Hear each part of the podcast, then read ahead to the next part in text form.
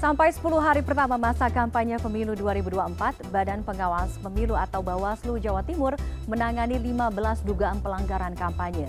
Dua kasus di antaranya terkait dugaan ketidaknetralan aparatur sipil negara atau ASN. Kasus ini sudah dilaporkan ke Komisi ASN untuk proses pemberian sanksi. Total aduan dan temuan dugaan pelanggaran kampanye sampai 7 Desember ini mencapai 49 laporan. Setelah melalui proses verifikasi formil dan material, hanya 15 yang dinyatakan lengkap. Dwi Endah Prastiawati, anggota Bawaslu Jawa Timur mengatakan, dari 15 laporan, dua di antaranya berkaitan dengan netralitas aparatur sipil negara atau ASN. Kasus ini sudah ditangani dan diserahkan ke Komite ASN untuk proses selanjutnya.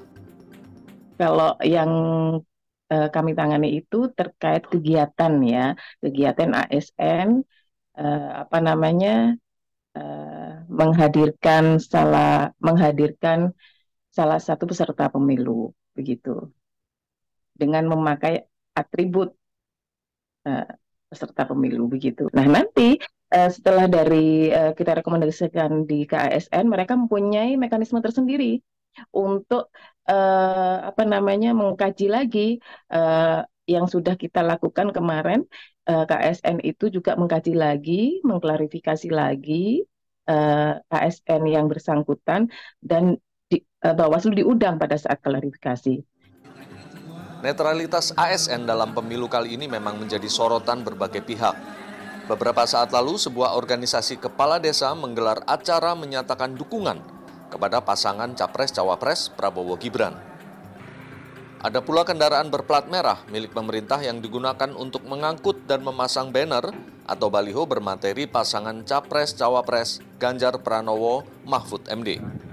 Menurut pengajar ilmu politik Universitas Erlangga Surabaya, Hari Fitrianto, sorotan ini tak lepas dari majunya wali kota Solo sekaligus putra sulung Presiden Joko Widodo, Gibran Raka Buming Raka, sebagai calon wakil presiden mendampingi Prabowo Subianto. Sejumlah kalangan khawatir ada praktik mobilisasi ASN untuk mendukung salah satu calon.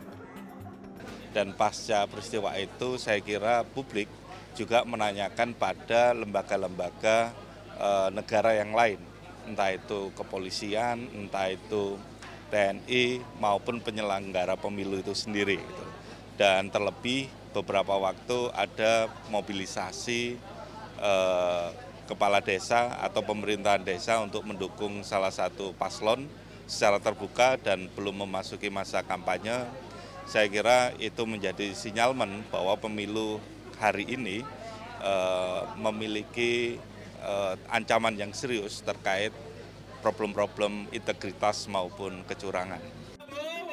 Anggota Bawaslu Jawa Timur, Endah Prastiawati mengajak masyarakat untuk ikut mengawal pemilu 2024 dengan mengadukan setiap pelanggaran yang ada.